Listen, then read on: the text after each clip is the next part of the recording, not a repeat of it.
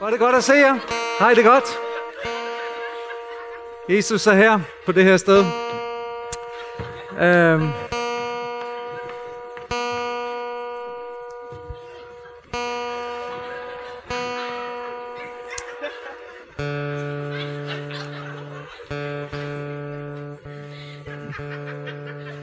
Det er næsten synd for Markus, ikke?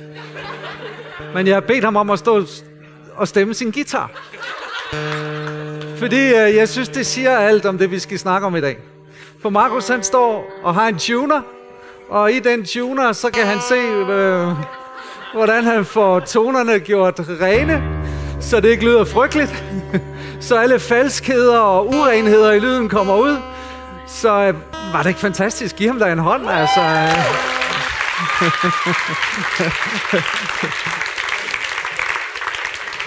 Jeg ville egentlig have kørt den der i fem minutters tid, men jeg kan godt mærke, at presset på Markus her var så stort.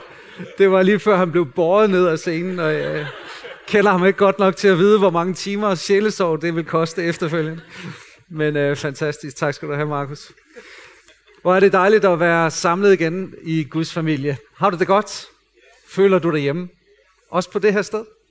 Det kan godt tage lidt tid. Vi, øh, min søn og mig var inviteret, eller jeg var inviteret, jeg tog ham med, øh, til Stockholm øh, for at repræsentere de danske pentekostale kirker ved en, en konference i, øh, i Sverige, som øh, tiltrak omkring øh, 600 præster. Og det sjove var at være der tirsdag, onsdag, torsdag i, i Stockholm i et rum, som næsten var man til det her. Der var tre skærme, der var lyd og lys som her, og, og så var egentlig jeg kendte måske to-tre stykker i den forsamling. Der var lige en Mark Corridon, som jeg havde øh, relation til, og pludselig står han der foran mig, som er ungdomspræst i Sverige nu.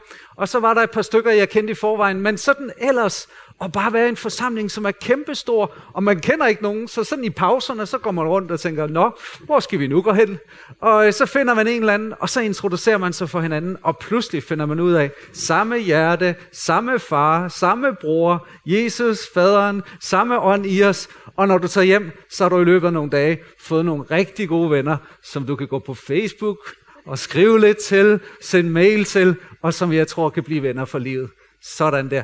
Det er faktisk lidt samme model som her i formiddag. Du kan godt sidde i sådan en stor forsamling her og føle dig lidt fremmed, men jeg vil bare sige til dig, at du er blandt venner. Og det er ikke noget bedre end at spørge dumt og sige, hvem er du? Hvad hedder du? Hvor længe er du kommet? Og jeg kan huske, at vi havde en gruppesamling i mandegruppen her for nylig, hvor der var en, der sagde det, han har været der en rum tid, og så kom der en fyr, og så sagde Nå, er du ny i kirken? Nej, jeg har været her i 30 år. Nå, vi har ikke set hinanden før. Og så sad de og fik en lille oplevelse af, og faktisk gået i samme kirke, uden lige at have knuppet skuldre eller delt hjerte. Sådan kan det også være nogle gange. Men hvor er det godt at se jer alle sammen. Tusind tak til jer, som har skrevet siden i søndags.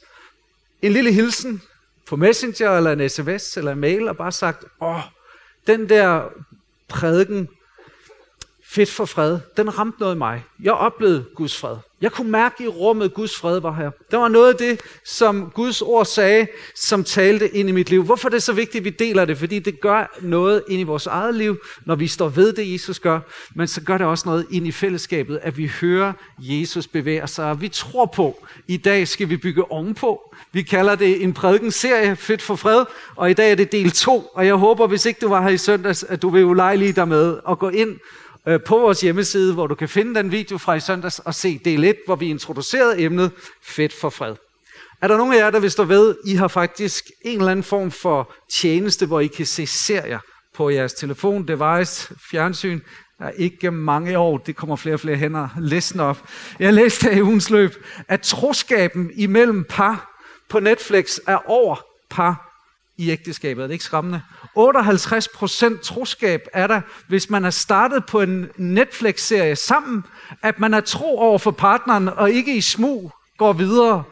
Den er på 58, men man venter og ser det hele sammen, og jeg vil bare anbefale, hvis ikke du har set uh, talen i søndag, så lad med at se den alene. Hvis du er gift, så se den sammen med uh, din ægtefælle. Hvis ikke du er gift, så se den sammen med din kæreste, hvis du har sådan en, og hvis ikke du har sådan en kæreste, så er det et godt dating-tip. Vil du ikke se prædiken på, fra i søndag sammen med mig.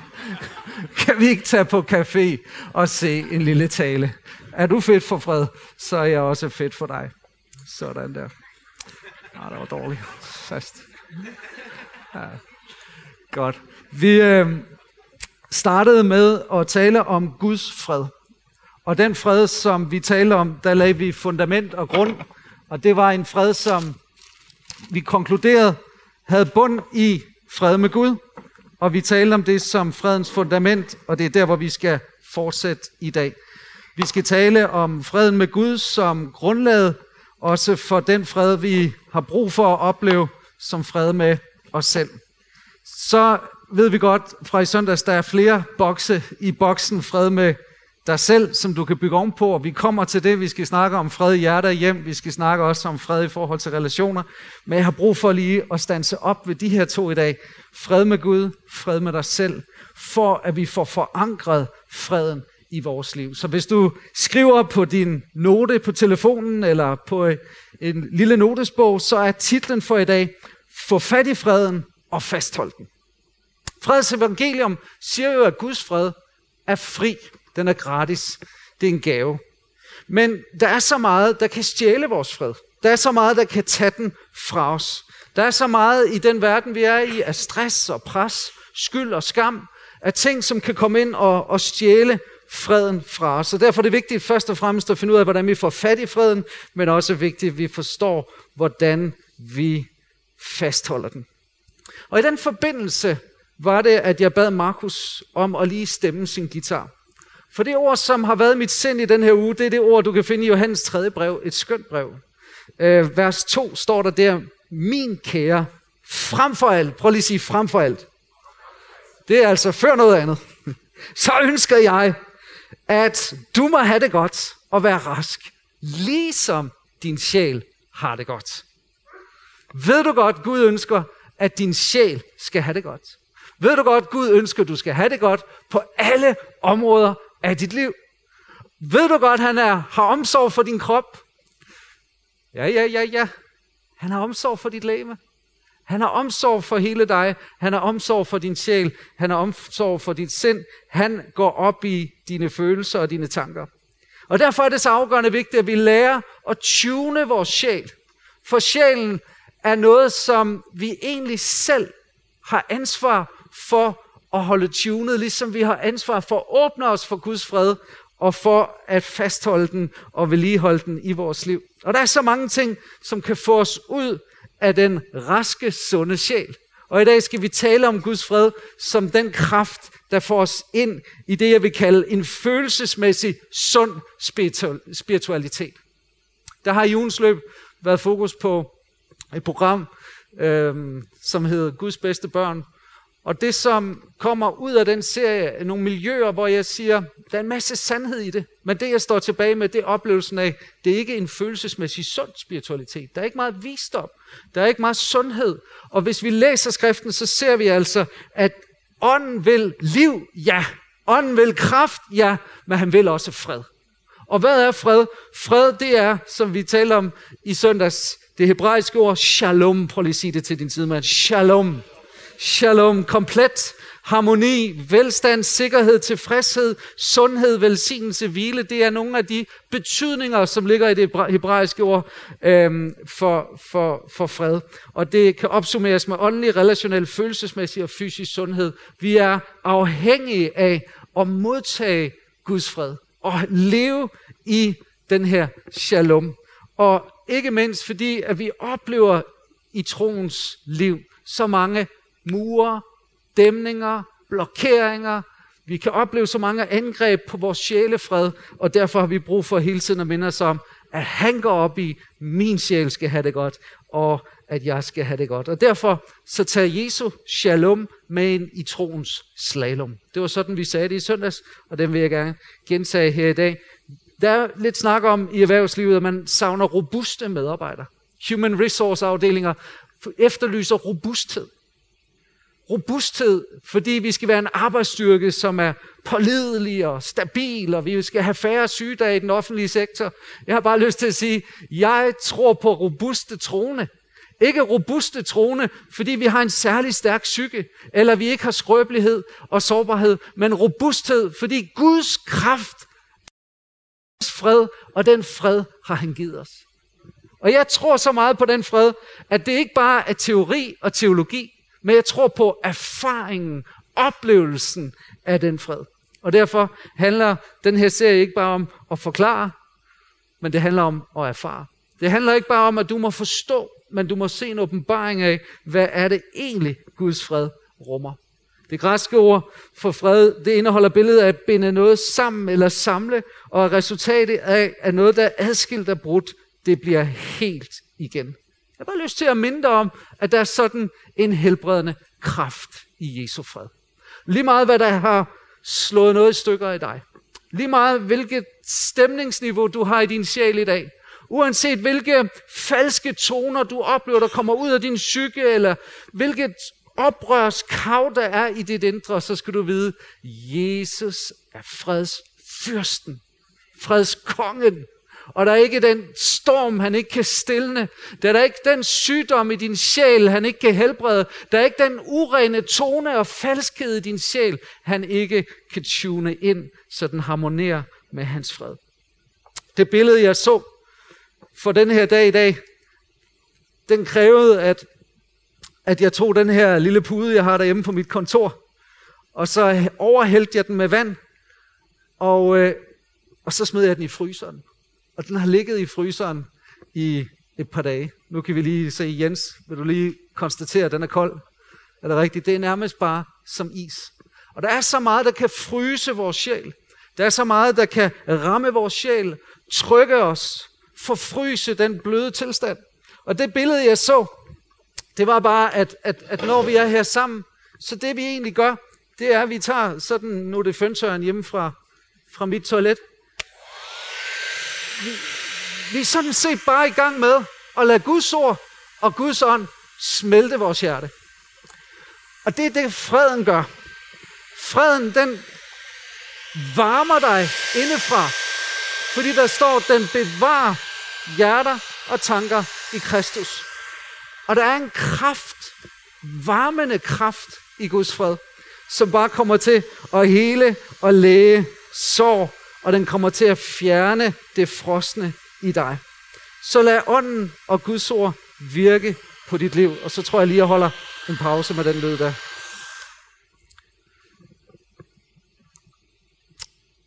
Fedt for fred. Prøv lige at sige det. Fedt for fred. Nu har jeg lige en pædagogisk ambition om, at når den her gudstjeneste er oppe, så kan alle huske akronymet FIT. Og det er fordi, det er så afgørende vigtigt for mig, at vi forstår og husker på, hvad er kilden til Guds fred, så jeg kan få fat i den, og jeg kan fastholde den. Er I klar på den? Så har du noget at notere på, så kommer den første del her. For det første, hvis du vil være fedt for fred, klar til Guds fred, så handler det om forsoning. Prøv lige at sige forsoning. Forsoning. Det er afgørende, at vi forstår, at du kommer ikke ind i Guds fred. Du får ikke fat i Guds fred uden om Kristi kors. Det er fra forsoningen, at freden flyder. Det er Kristi forsoning, som må være udgangspunkt for al kristen sjælesorg. Så sidder jeg over for et menneske, som siger, jeg har angst i mit liv. Så kan jeg ikke bare føre dem til mentale, psykologiske teknikker. Jeg bliver nødt til at hjælpe dem til hvile i forsoning.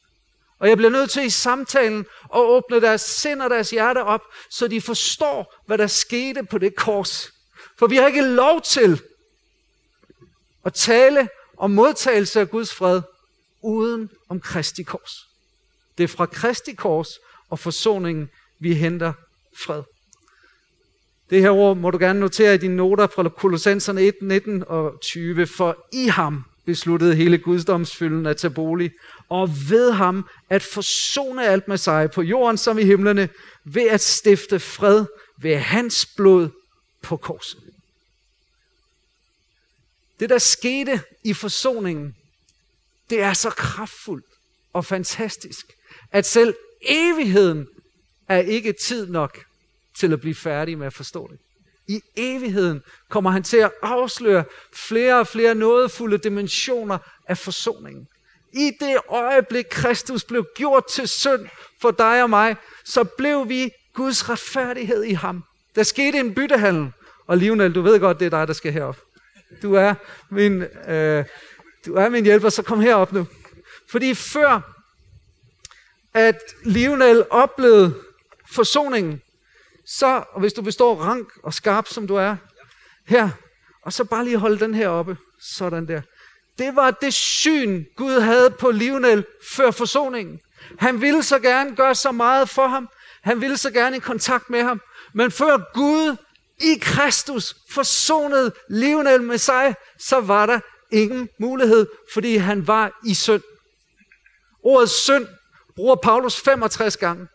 De 64 af gangene er det i ental, og en gang i flertal. Det vil sige synd. Der er det ikke et spørgsmål om, hvilken synd du har begået. Vi er ikke optaget som kirke af syndelister. Vi er bare klar over, at vi har syndens kraft i vores liv, og det er oprør mod Gud. Det er ikke at tro på ham og stole på ham. Og derfor er vi i udgangspunktet alle sammen i minus over for Gud. Vi er under Guds vrede, vi er fjender med Gud. Men nu gør Gud noget fantastisk. Dommeren, den retfærdige, hellige Gud, han sender sin søn, som lever det retfærdigste, perfekte liv. Og han skifter vores synd og uretfærdighed ud med hans retfærdighed. Og nu bliver det simpelthen så kompliceret, Simon, fordi nu skal vi bare have dig til at skifte her. Sådan der. Nu skal du holde den der oppe. Hold den der op. Fordi billedet i den her tekst, det er jo, at nu bliver vi dækket af Jesu Kristi blod. Som beviset, nu skal du jokke hernede på den her, sådan der. Så, så når Gud han ser på livene eller på dig og mig, så er synden væk. Og det Gud ser, det er Jesu Kristi blod.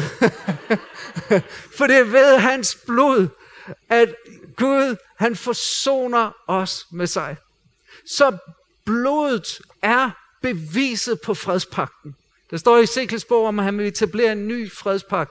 Og vi ser det herover, at det er i kraft af hans blod, at der er fred, at der kan være hvile, at der kan være ro. Og uanset kilden til det, der stjæler din fred, om det er bekymring, angst, uro, perfektionisme, posttraumatisk stress, sygdom, omstændigheder, så må vi forbi den her byttehandel og se, han tog min straf.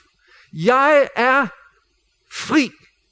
Også til fred kom straf over ham, og ved Jesu blod er jeg ikke bare tilgivet, men jeg er renset. Skal vi give livet en stor hånd? Det var kompliceret affære, det her.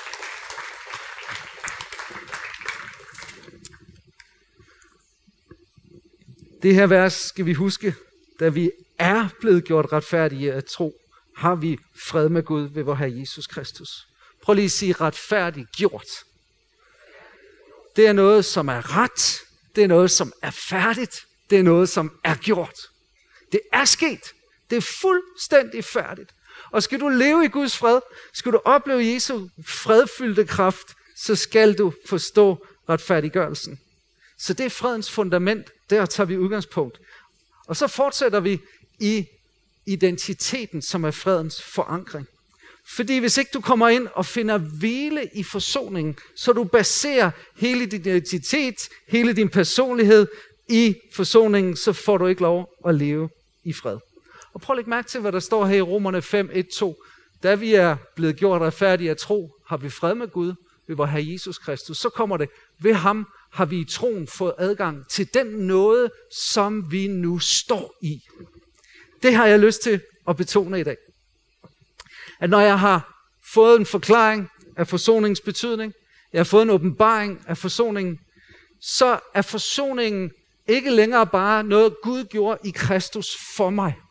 Så er det blevet en ny position, en ny identitet. Jeg tror, dilemmaet for mange af os, som gør, at vi mister vores sjælefred, det er, at vi tænker på forsoning som tilgivelse.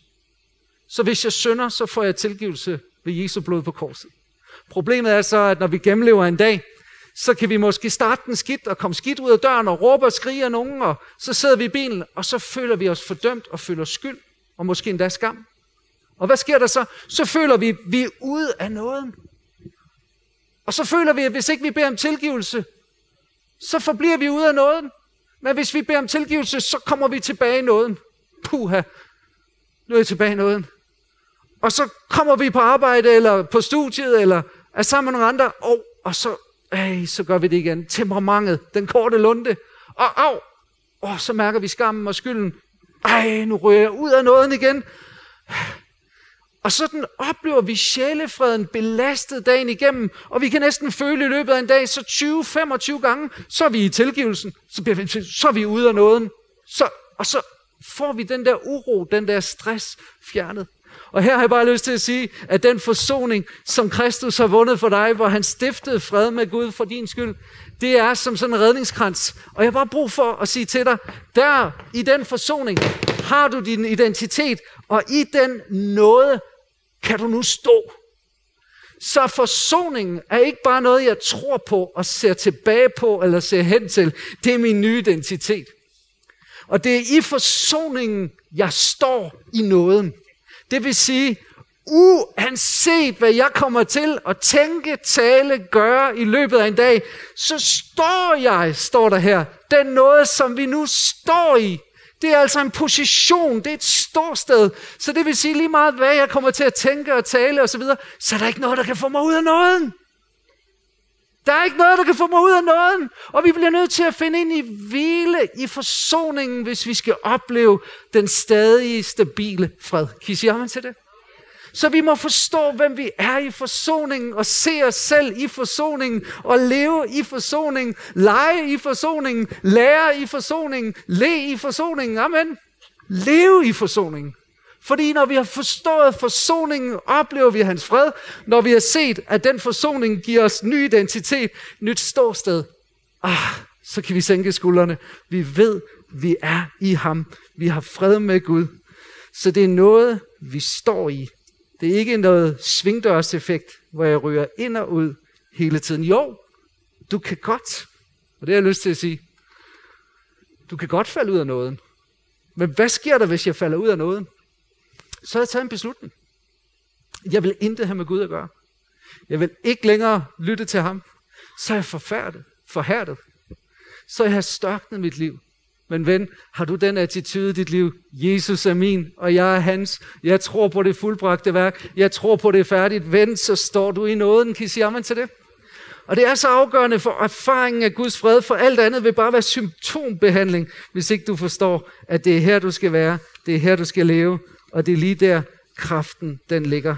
Så forstå, hvem du er i ham, for før verden blev grundlagt, har Gud i ham udvalgt os til at stå, prøv lige at sige stå, hellige og uden fejl for hans ansigt i kærlighed. Han har udvalgt os til barnekors hos ham.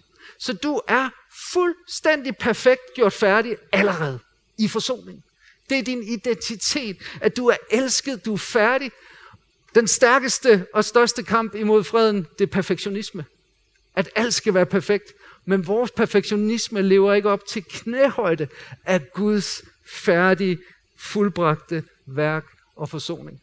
Der står sådan her, I har jo ikke fået en ånd, som giver trallekår, så ja, der skulle leve i frygt, som er det modsatte af fred.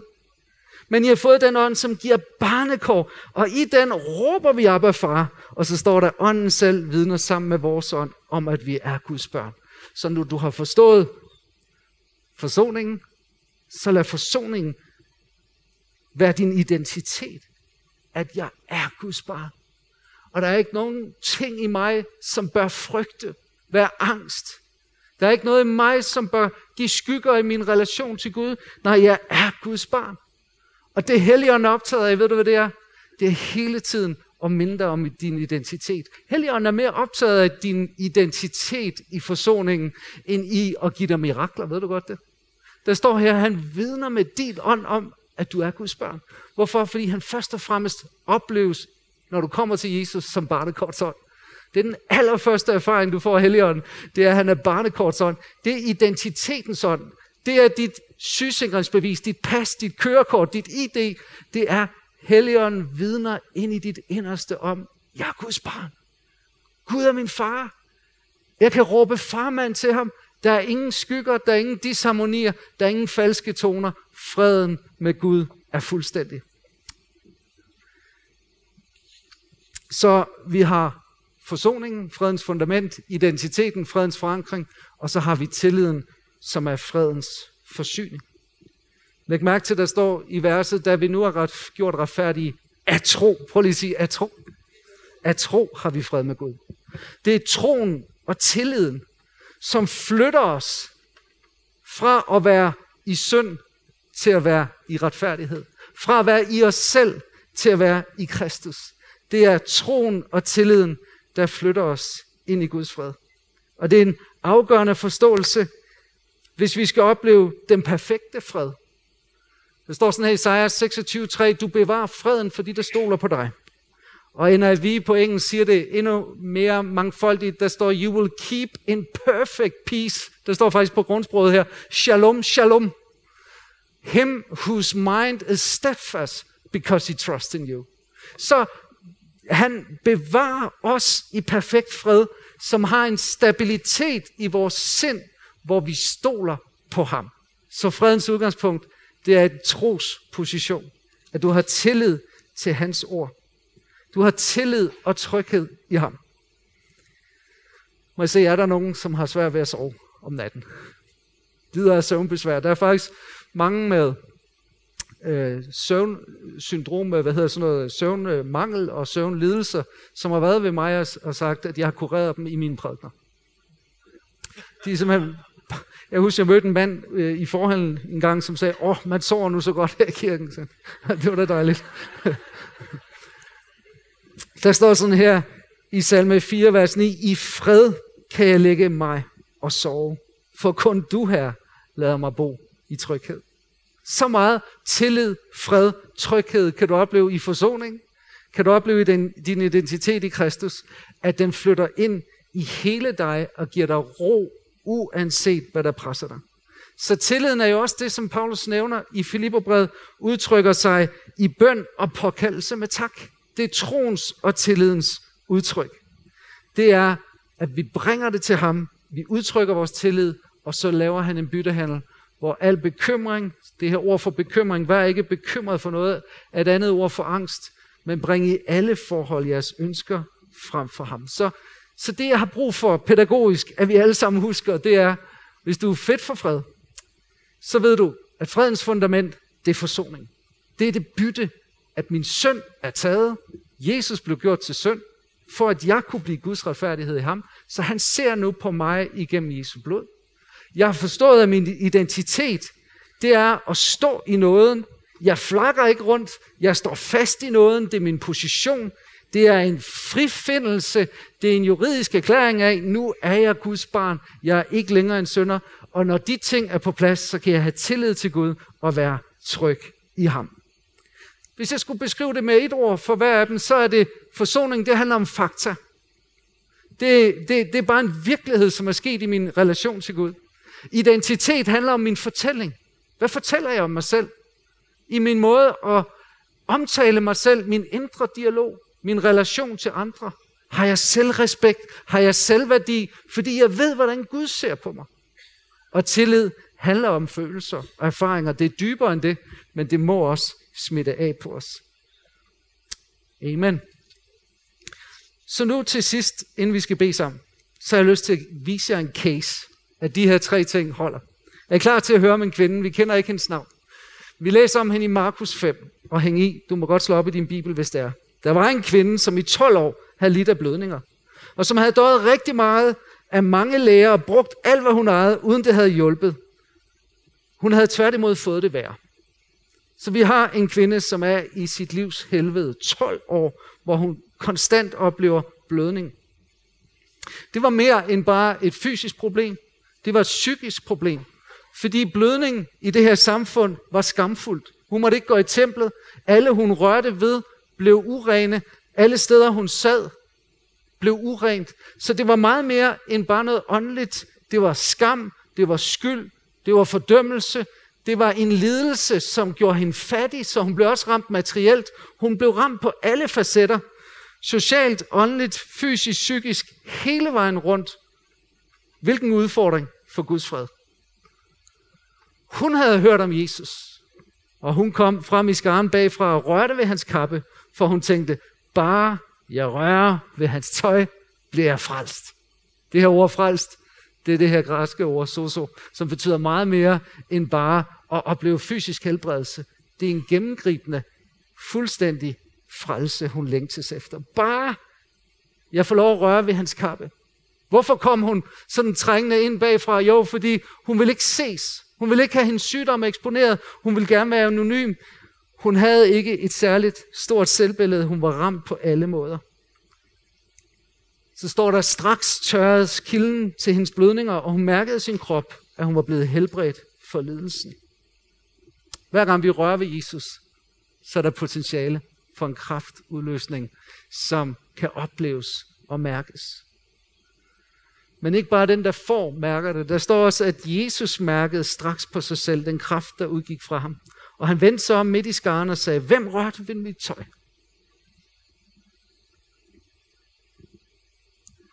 Prøv at lægge mærke til, at der står, han vendte sig om.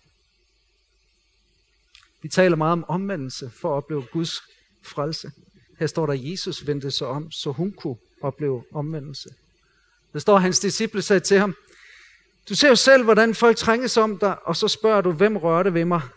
Han så sig omkring for at se, hvem der havde gjort det. Det med andre ord, de sagde, hold nu op, Jesus. Her er der flere hundrede mennesker. Vær optaget af skarne, eller vær med at se den enkelte. Men Jesus var optaget af den enkelte. Og han så sig om for at se, hvem der havde gjort det. Og kvinden kom skælvende frem, skælvende af skræk. Alt andet end fredfyldt. For hun vidste, hvad der havde sket med hende. Og hun faldt ned for ham og fortalte ham hele sandheden. Og så kommer det. Han sagde til hende, datter, din tro har frelst dig. Gå bort med fred og vær helbredt for din lidelse. Gå bort med fred og vær helbredt for din lidelse. Læg mærke til den her historie, at Jesus inviterer hende til at gå bort med fred. Ordet på grundteksten siger i virkeligheden, kvinde, gå ind i fred, som en atmosfære, som du skal være i resten af dit liv. Fordi alle, der oplever Jesus og oplever frelsen i ham, oplever at være og leve i fred. Så det var freden, som blev det helbredende element, både for hendes ånd, hendes sjæl, hendes relationer, hendes materielle situation. Vær helbredt for din ledelse. Og så prøv at lægge mærke til nu, hvordan den fred kommer til hende. For det første igennem forståelse af forsoning. Datter, din tro har frelst dig. Ordet frelst kan også i øh, flere steder i Nye Testamente bruger Jesus det i betydningen af at være gjort retfærdig. Frelse. Han tager udgangspunkt i det, vi alle sammen har brug for, som vi her også kunne kalde for forsoning. Og så går han videre, og så siger han, datter. Han taler ind i hendes identitet. Fordi han ved, at skal den fred, hun nu er blevet kaldet til, vedvarende være i hende, så skal hun opleve forsoning, men hun skal også opleve at se sig selv i nyt lys. Det her er eneste gang, Jesus bruger ordet datter over for nogen som helst i hele Nye Testamente. Og det er et udtryk for at være et Guds barn. Og jeg har oplevet, når jeg har bedt for i formiddag, der er nogen, der har brug for at høre det her ord ind over dit liv. Datter. Se dig selv som en datter af Gud. Se dig selv som Jesu datter. Se dig selv som en søn. Du er fuld af skam. Du er fuld af skyld. Du oplever i dit liv, at du ikke strækker til. Du kan ikke gøre alle glade. Du kan ikke rumme dit liv. Du oplever bare, du skjuler dig i mængden. Men Jesus siger, ræk ud til mig. En berøring, og du skal opleve både forsoningskraft, den nye identitetskraft, og så er det tilliden. Han siger, datter, din tro har frelst dig. Gå bort med fred og vær helbredt for din lidelse. Jeg tror, der er nogen, som er kommet med blødninger i dag. Du bløder forkastelse. Du bløder angst. Du bløder posttraumatisk stress. Du bløder vantrivsel. Der er ikke ro i din sjæl. Du er alt andet en, der har det godt i sjælen. Og det kan være endda, du kalder dig troende, men du skal vide, de der indre hjerteblødninger, at når Jesus kommer, så sætter han gang i varmen. Og her i formiddag, så kan han sætte fokus på dit hjerte og zoome ind, og så kan han begynde at blødgøre din indre sjæl. Han kommer til at gøre det ved, at du finder hvile i forsoning. Han kommer til at gøre det ved, at du hviler i forsyningen. Han kommer til at gøre det ved, at du går herfra med forvisning. Jeg tror på i dag, at Jesu fred kan helbrede, kan hele, kan fri ud, kan forvandle. Og jeg har sådan en behov for at sige, dig der er kommet og vakler i symptomer af en eller anden form for disharmoni i dit liv, sørg for at få lagt fundamentet først. Fred med Gud. Og så opleve fred med dig selv. Oplev forsoningen. Oplev bevidstgørelsen om din identitet. Og så have tillid til, at han kommer og sørger for dig. Skal vi bede sammen? Jesus Kristus. Kom med dit ord og med din ånd og varm op i vores hjerter. Her jeg beder dig lige nu, kom. Kom med din kraftfulde fred. Kom med dit liv.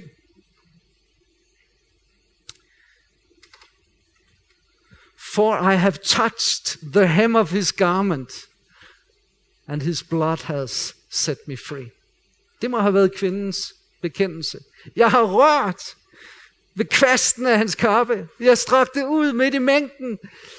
Jeg, jeg, jeg længte så meget efter at blive fri fra min plage, fordi jeg oplevede, hvor meget den begrænsede mit liv. Og i 12 år havde jeg prøvet så meget, men symptomerne af behandlingen var næsten, det havde gjort kilden til hele problemet værre. Du skal vide i det øjeblik i dag, hvor du rækker ud efter Jesus og bare midt i mængden presser dig ind på ham og siger, Jesus, jeg vil have en berøring af dig, så skal du vide, kilden til din frygt, angst, uro, depression, vil tør ud. Jesus er ikke bare symptombehandlende, når han går ind i dybet, og så ser han, hvad er det for en skam? I ved forskellen på skam og skyld, det er, skyld det er, når vi føler, vi har gjort noget forkert. Skam det er, når vi føler, vi er forkerte. Jesus har en løsning på begge dele. Hvor han kommer med forsoningen til din skyld, så du er tilgivet. Og så kommer han med en ny identitet, en anerkendelse af dig som hans datter og hans søn, for at du kan blive fri for din skam. Det er skammen, der gør, at vi skærer i os selv. Det er skammen, der gør, at vi ødelægger os selv i omtalen over for andre. Det er skammen, der gør, at vi ikke er fri i relation til fællesskabet. Det er skammen, som Jesus bar.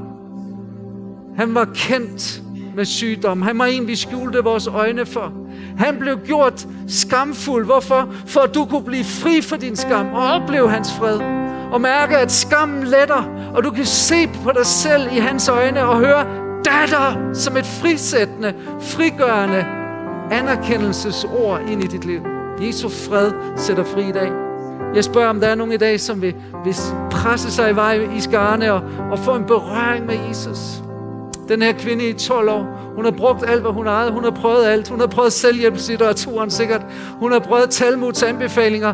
Der var rigtig mange forskellige anbefalinger til blødende kvinder om, hvad de kunne gøre hjemføre Talmud, men intet havde hjulpet. Men en berøring af Jesus og sygdommens kilde blev tørret ud. Er du syg fysisk i dag, så skal du vide, der er helbredelseskraft. Ved hans sår har vi fået lægedom.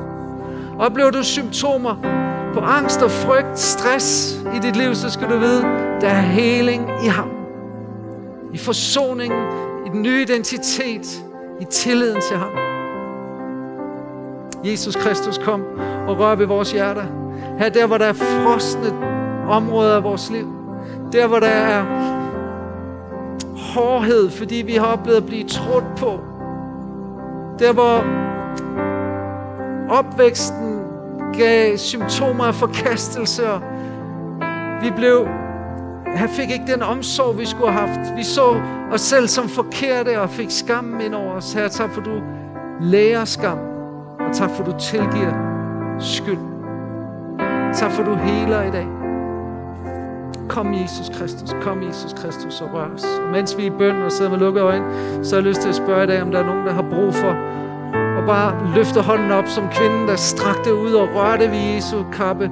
Så strækker du ud nu og bare siger, Jesus rør ved mig til helbredelse, til læder, til frihed. Bare løft din hånd op og på den måde markere, Jesus frigør mig. Jesus sæt mig fri. Sæt mig fri, sæt mig fri. Der er en kraft, der udgår fra Jesus. Du vil opleve lige nu også en kraft ind i dit liv. Du vil opleve, at der er noget, som har siddet fast i dit sind og holdt dig fast i en, en, en, en tilstand i din sjæl, hvor dit, dit hjerte har været knudet, og det har været som, som bælter omkring brystet. Der, du har følt sådan et, et, et tryk for brystet, sådan et, et stress, et pres, et, som om livet var mere, end du kunne klare, som om du altid kom hælende, sådan stønnende bagefter livets opgaver, men, men du oplever lige nu Jesu Kristi fred som overgår al forstand, og som bevarer dit hjerte og tanker i ham. Og, og i samme øjeblik, du har bare kaldt Jesus, så kommer hans fred. Hans fred kommer. I Jesu navn kom. Kom, Kristus. Rør os i dag. Rør os i dag. Skal vi bede den her bøn sammen, alle os, som løftede hænderne? Men også os, som bare sidder i forsamlingen nu, skal vi sige, kære Jesus, vi strækker os ud mod dig. Vi vil røre os af dig. Udtør kilden til min angst, til min skam, til min skyld, til min fordømmelse. Sæt mig fri. Tal ordene ind over mig. Datter, søn, gå bort i fred. Vær frelst. Vær fri. Vær hel. Vær fuld af fred. Jesus.